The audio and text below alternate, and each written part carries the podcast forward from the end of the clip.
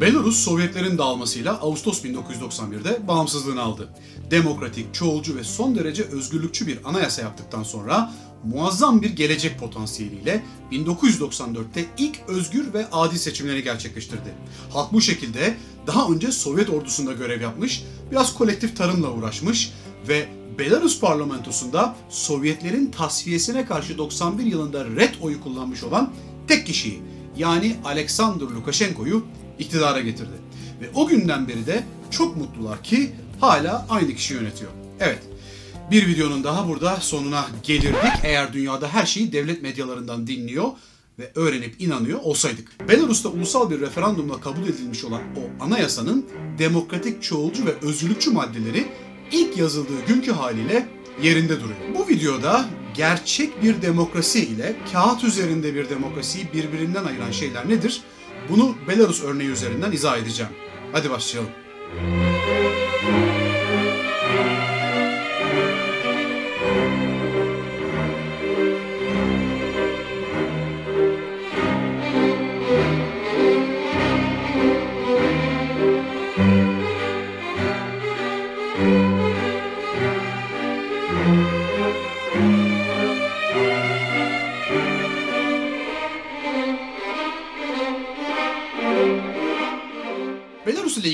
Bir şey konuşmak için önce biraz bu ülkeyi tanımamız lazım. Doğu Avrupa'da Rusya ile Polonya arasına sıkışmış 10 milyon nüfuslu bir ülkeden bahsediyoruz. Denize sınırı yok ama 10 binden fazla gölü var. Son derece düz bir coğrafyaya sahip olan bu göller ülkesinin %40'ı da geniş bakir ormanlık arazi. Şehirleri ise Batı Avrupa ülkelerinden daha temiz ve Stalinist mimaride büyük modern yapılarla dolu. Çalışan nüfusunun %40'ı ya devlet memuru ya da devlet kontrolü altındaki özel şirketlerde işbaşı yapıyor. Ana ihracat ürünleri olarak endüstriyel araçlar, malzemeler ve petrol yan ürünleri üreten Belarus'un en büyük ticaret ortağı da tabii ki Rusya. Belarus'ta üretilen ürünlerin çoğunu Rusya satın alıyor. Karşılığında bu ülkeye ucuz petrol, gaz ve ham madde sağlıyor. Belarus ekonomisi Rus petrolüne ciddi şekilde ihtiyaç duyuyor. Çünkü Avrupa'ya yapılan ihracatın en büyük bölümünü Belarus'ta işlenen petrolün yan ürünleri oluşturuyor. Rusya'nın 10 yıllardır sağladığı bu ucuz ham madde desteği aynı zamanda Lukashenko'nun sosyal refah devletini ayakta tutmasını sağlayan şey. Ülkede sağlık hizmeti ve eğitim bedava. Çok sayıda insana bedava sosyal konut da veriliyor. Özel mülk vergisi de neredeyse sıfır. Ülkeye yabancı işçi göçü de olmadığı için neredeyse tüm istihdam açığını yerel halk karşılıyor. Bu nedenle işsizlik oldukça düşük. Ancak yine de ekonomi çok iyi değil. 2018 yılı verilerine göre ortalama bir Belaruslu'nun maaşı 250 dolar kadar. Rus ekonomisinde yaşanan her dalgalanmadan direkt etkilenen Belarus rublesi sürekli değer kaybediyor. En son 2016'da paradan 4-0 atıldı. Alkol ve kumar ülkede ciddi bir sorun haline almaya başladı. 2020 Dünya Alkol Tüketimi sıralamasına göre Belaruslular birinci sırada. Aynı zamanda doğum oranlarındaki düşüş, dışarıya verdikleri göç ve yabancı göç almamaları nedeniyle de nüfus kaybı yaşıyorlar. Rusya'nın yasaklaması ile yeni gelir kapısı haline gelen kumarhaneler zengin Rusları Belarus'a kumar turizmi için çekiyor. Ancak bunlara rağmen Rusya, Ukrayna ve Litvanya'ya oranla suç oranı son derece düşük. Bunda kişi başına düşen polis sayısının yüksek olmasının da önemli bir etkisi olabilir tabii. Ülkenin gelişmiş diyebileceğimiz sektörlerinden biri de ilginç şekilde yazılım ve IT sektörü. Örneğin World of Tanks gibi dünyaca ünlü bazı bilgisayar oyunları burada geliştirildi. Son yıllarda Rusya'nın üzerindeki ekonomik yaptırımlar ve baskıların artması ile Belarus ekonomisindeki Rus desteği azaldı. Ve tabii bu istikrarlı görünen devlet mekanizması da tökezlemeye başladı. En son Aralık 2019'da Vladimir Putin ve Lukashenko arasında 2020 yılı için yeni bir petrol anlaşması konusunda uzlaşma çıkmayınca Moskova arzı daralttı. Bu durum daha Ocak 2020'de Belarus'un ithalat kaleminde %30'luk bir düşüş yaşanmasına neden oldu. Minsk yönetimi bu nedenle alternatif olarak Norveç ve Azerbaycan petrollerine yöneldi. Belarus ham petrole o kadar bağımlı ki ABD ile bile masaya oturdular. Şubat 2020'de Amerikan Dışişleri Bakanı Mike Pompeo, Minsk'e gelerek yapılan görüşmede uygun fiyatlı petrol satmayı teklif etti. Bu hamle tabi Rusya'ya karşı çok stratejik bir girişimdi aslında. Ancak bu girişimler Rus-Belarus ilişkilerini yıpratmaya ya da var olan özel ilişkiyi ortadan kaldırmaya katiyen yeterli değil. Çünkü Sovyetler çöktüğünden bu yana Rusya bu ülkeyle ekonomik ve askeri alanda derin bir entegrasyon için özel çaba sarf ediyor. Bunun için 1999'da bir antlaşma bile imzalandı. Bu antlaşma gümrük birliği, serbest dolaşım ve ortak para birimi gibi unsurların hayata geçirilmesini öngörüyordu. Ancak bu tarz bir plan halk içinde özellikle de yeni nesil arasında hiçbir zaman popüler olmadı. Neden? Çünkü teknoloji ve sosyal medya çağında yetişen yeni jenerasyonlar dünyadan haberdar. Geleceklerini Rusya tipi değil, Avrupa Birliği üyesi tipi bir ülkede görmek istiyorlar. Üstelik Belarus tüm diğer eski Sovyet ülkeleriyle karşılaştırıldığında kendi ayrı kültürel ve etnik kimliği en zayıf olan ülke olduğu halde durum bu. Ülkede Rusça konuşuluyor. Rus medyası izleniyor. Lukashenko idaresi altında uzun yıllar Belarusça yerine Rusça teşvik edildi. Okullarda da tarih dersleri hep Sovyetler Birliği merkezli ve eksenli anlatıldı. Ancak son yıllarda Belarus halkı her anlamda Rusya'dan farklı olduklarını hissetmek ve bunu göstermek istiyor. Çünkü Rusya'nın halini, gidişatını beğenmiyorlar. Özellikle Kırım'ın ilhakından sonra milliyetçi akımlar daha da büyüdü. Belarusça okullarda giderek daha fazla kullanılır oldu. Tarih dersleri de Sovyet ekseni dışında yüzyıllar öncesinde Belarus halkının varlığına vurgu yaparak anlatılmaya başlandı.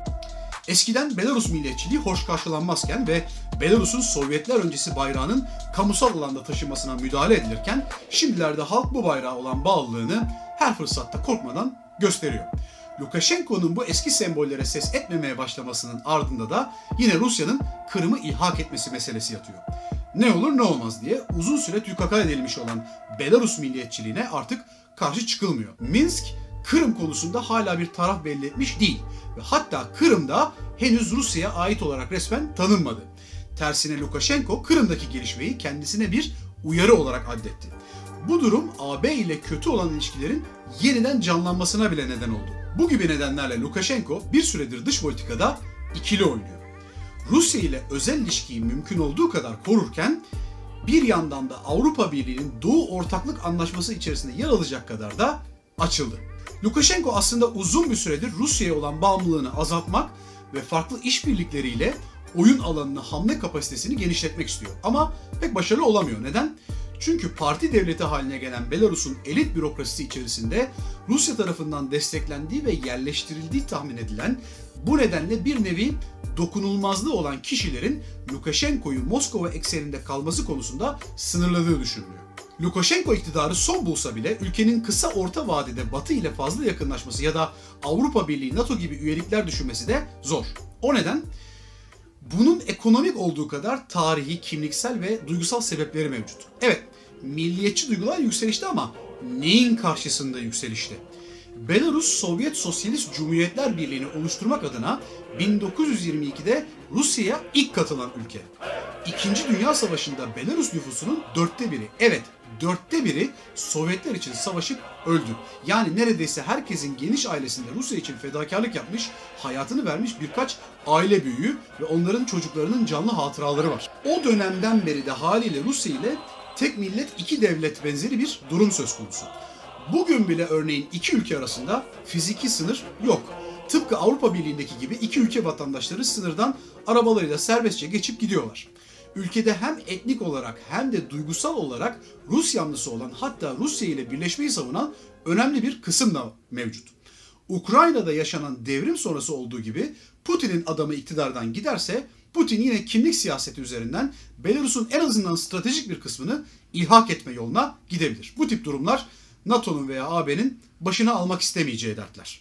Belarus'a dair bu genel jeopolitik, ekonomik ve sosyolojik çerçeveyi çizdikten sonra gelelim bu ülkenin rejimine ve son seçimlerine. Lukashenko her süzme otokrat gibi gücünün sınırlarını beğenmediği ve yeterli bulmadığı için seçildikten hemen iki yıl sonra yani 1996'da bir referandum gerçekleştirerek devlet başkanının güçlerini yetkilerini arttırıp kendisini denetleyecek olan meclisin gücünü ve yetkilerini kırptı. Bu son seçimin adilaneliğinden ne kadar emin olabiliyorsak 96'daki o referandumun geçerliliğinden de o kadar emin olabiliyoruz tabii. Bu referandumla gerçekleştirilen en önemli değişimlerin başında şu ikisi vardı. 1. Başkanlık kararnameleri meclis yasalarının üzerinde bir güce kavuşturmak. 2. Devlet başkanının görev süresini sınırsız hale getirmek. Her şey bu referandum ile değişmiş oldu. Görünürde seçimler vardı ama her seçimde Lukashenko dışında birinin kazanması hep imkansız hale getirildi. Muhalif isimler yıldırıldı ve gerekirse türlü suçlamalarla hapse atıldı. Peki neydi o halde Belarus halkının daha 94 yılında en başta Lukashenko'yu seçmesinin nedeni? Neydi biliyor musunuz? Lukashenko her yerde kendini yolsuzluk karşıtı biri olarak lanse etti ve bu şekilde 93 yılında Belarus Yolsuzluğu Önleme Komitesi'nin başına getirildi. Ve o da bu pozisyonu dönemin başbakanı da dahil 70 yöneticiyi koltuklarından etmek için kullandı. Başbakan iddialar üzerine istifa etti ama Lukashenko'nun hazırlattığı iddialar hiçbir zaman kanıtlanamadı. Bir yıl sonra da ülkenin ilk demokratik seçimlerinde yolsuzluk karşıtı bir kahraman olarak adaylığını koydu. Günümüzde böyle göstermelik seçimlerin olduğu, muhalefete izin veriliyormuş gibi yapıldığı ülkeler için kullanılan bir terim var. Rekabetçi otoriterlik. Yani bu ülkeler teknik olarak kağıt üzerinde diktatörlük değiller. Anayasalarında gelişmiş bir batı toplumunun sahip olduğu tüm maddeler var. Ancak muhalefetin önüne öyle engeller çıkarılıyor veya iktidara öyle büyük avantajlar sağlanıyor ki değişim mümkün olmuyor. Bir yerin rekabetçi otoriterlik olup olmadığını anlamak için birkaç kritere bakmamız yeterli.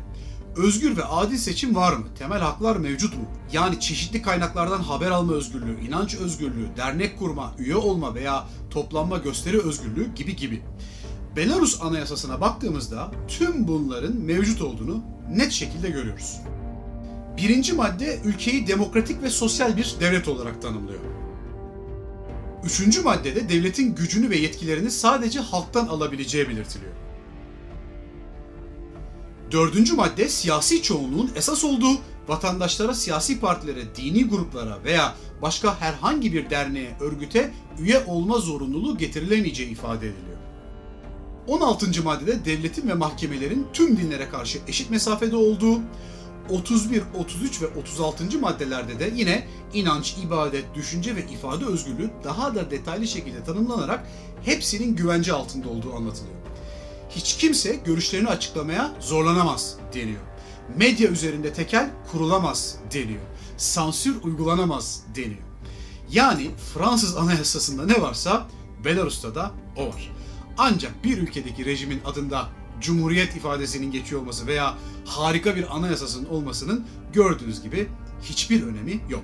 Yani eğer bazı adli ve mali kurumlar özellik kazanmamış, birey olma, vergi ödüyor olma kavrayışı gelişmemiş, azınlık hakları ciddiye alınmayan, itiraz mekanizmaları işletilmeyen, oyun sırasında kural değiştirilmesine ses çıkarılmayan, kısaca demokrasiyi içselleştirmemiş bir ülkede yaşıyorsanız o ülkenin örneğin medeni kanunu İsviçre'den, ceza kanunu İtalya'dan, idare hukukunu Fransa'dan veya ne bileyim sosyal medya kanunlarını Almanya'dan alıyor olmasının hiçbir anlamı yok. Bunlar hiçbir şey ifade etmez. Bunlar en ufak bir medeniyet göstergesi bile değildir.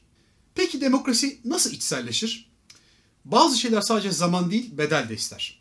Bu bedel o toplum için hayati veya maddi kayıplar anlamına gelebilir. Ancak demokrasinin içselleştirilmesindeki en gerekli kilit şey talebin halktan gelmesi ve risklerin de bizzat halk tarafından alınmasıdır. Bu ikisini ayrı ayrı açalım. Talebin halktan gelmesi ne demek? Mesela eğer bir ülkeye çağdaş rejimi bir kurtarıcı tarafından hediye edilmişse ya da kendileri dışında gelişen bir olayların sonucu olarak o rejim bir anda ortaya çıkmışsa tırnak içinde o ilerleme uzun soluklu olamıyor. Belaruslular bağımsızlıklarını ve demokrasilerini Sovyetlere karşı ayaklanıp elde etmediler. Sovyetler dağılınca her ikisini de kucaklarında buldular. Peki risklerin bizzat halk tarafından alınması ne demek?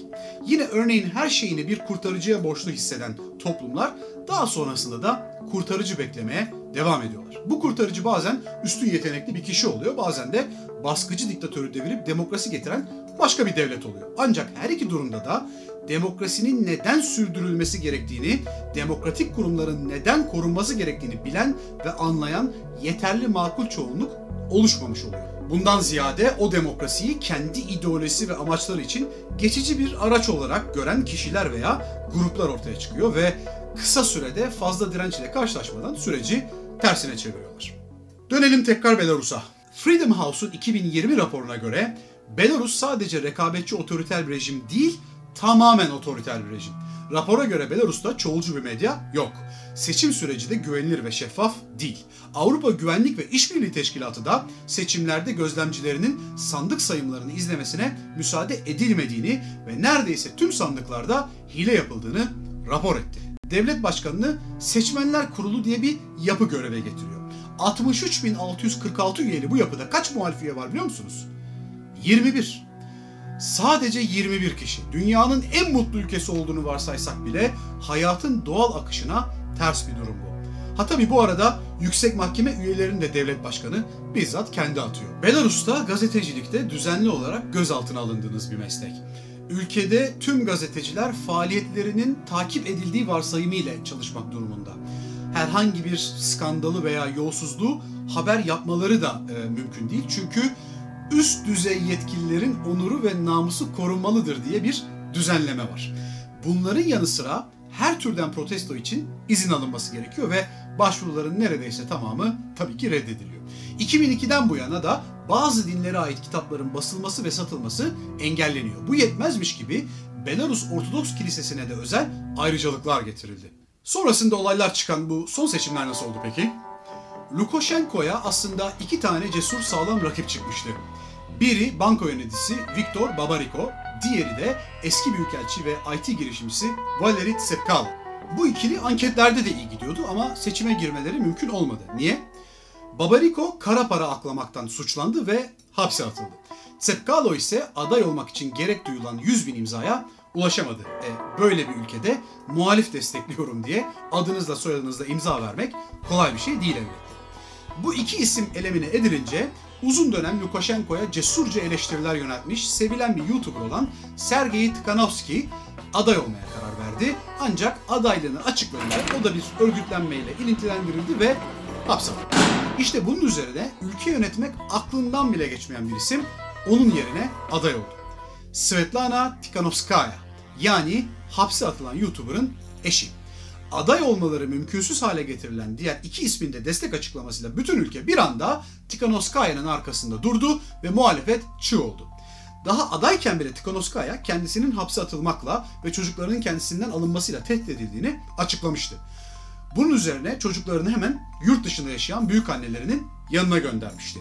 Svetlana ülkesinin siyasi lideri olmaya veya demokratik devrimler yapmaya çalışmıyor. Seçim kampanyası iki vaatten ibaret. Siyasi tutukluları salmak ve hemen ülkeyi özgür, adil, çoğulcu bir seçime hazırlamak. Hepsi bu. Sonuçta seçimler yapıldı, oylar kullanıldı ve seçimleri takip etme konusunda tek yetkili medya organı olan devlet ajansı Lukashenko'nun daha önceki 5 seçimde olduğu gibi bir kez daha %80'e yakın bir oy aldığını açıkladı. Oysa Svetlana'nın mitinglerine 91'deki bağımsızlık kutlamalarından bile daha büyük kalabalıklar katılmıştı. O akşam halk sokağa indi, protestolar başladı. Seçimi takip eden 3 gün boyunca internet erişimi ülke çapında kısıtlandı, neredeyse tamamen kesildi. Önce normal kolluk kuvvetleri yetmeyince özel kuvvetler devreye sokuldu. Lukashenko kendisine ve rejime sadık olmaları için özel polis kuvvetlerinde yer alacak kişilerin yetimhanelerden seçilmesini istemişti. Bu onun lehine işledi çünkü halkın arasında bu polislerin akrabaları, yakınları pek yok. Barışçıl protestocular dövüldü, gözaltına alındı ve hatta pişmanlık videoları çektirip yayınlandı. Lukashenko bu olan biten kendi baskısı ve düzenbazlıklarından kaynaklanmıyormuş gibi hayalet mihraklardan bahsetmeye başladı. Çeklerin bu işin arkasında olduğunu söyledi. Rusya'da bu işin arkasında olan farklı klikler var dedi vesaire. Ama neticede protestolar dinmedi. Halk Psifon gibi uygulamalarla internet kısıtlamalarını aştı ve eylemlere devam etti. Ancak başkan adayı Svetlana ortada yoktu. Can güvenliği endişesiyle Litvanya'ya gittiği anlaşıldı. Daha sonra buradan bir video mesajı yayınladı ve bu mesajda Bazılarınız beni anlayacak, bazılarınız nefret edecek ama Tanrı kimseyi böyle bir seçim yapmak zorunda bırakmasın diyerek seçimde hile olduğunu aslında kendisinin kazandığını bildiği halde ağlamaklı bir şekilde destekçilerine eve dönme, kendilerine dikkat etme çağrısı yaptı ve hiçbir şey çocuklarımızdan daha kıymetli değil dedi. Svetlana'nın hapisteki eşi, ailesi ve muhtemelen diğer yakınlarının tehdit edildiğini tahmin etmek zor değil. Avrupa'nın bu son diktatörlüğü yıkılır mı? Şimdilik bilmiyoruz. Protestolar devam ediyor ve bu video çekildiği sırada 7000 kişi gözaltına alınmıştı. Ama değişim için umut da var. Çünkü çok sayıda polisin protestoculara şiddet uygulamayı reddettiğini ve onlara engel çıkarmadığını gösteren görüntüler de mevcut. Neticede öyle veya böyle herkes tarihin bir tarafında yer almayı tercih etmek durumunda kalıyor. Bireysel ve etkisi küçük zannedilen her bir tercih ise sonunda bir ülkenin, bir toplumun geleceğinde sonsuza kadar yankılanıyor. Bir sonraki videoya kadar. Ciao ciao.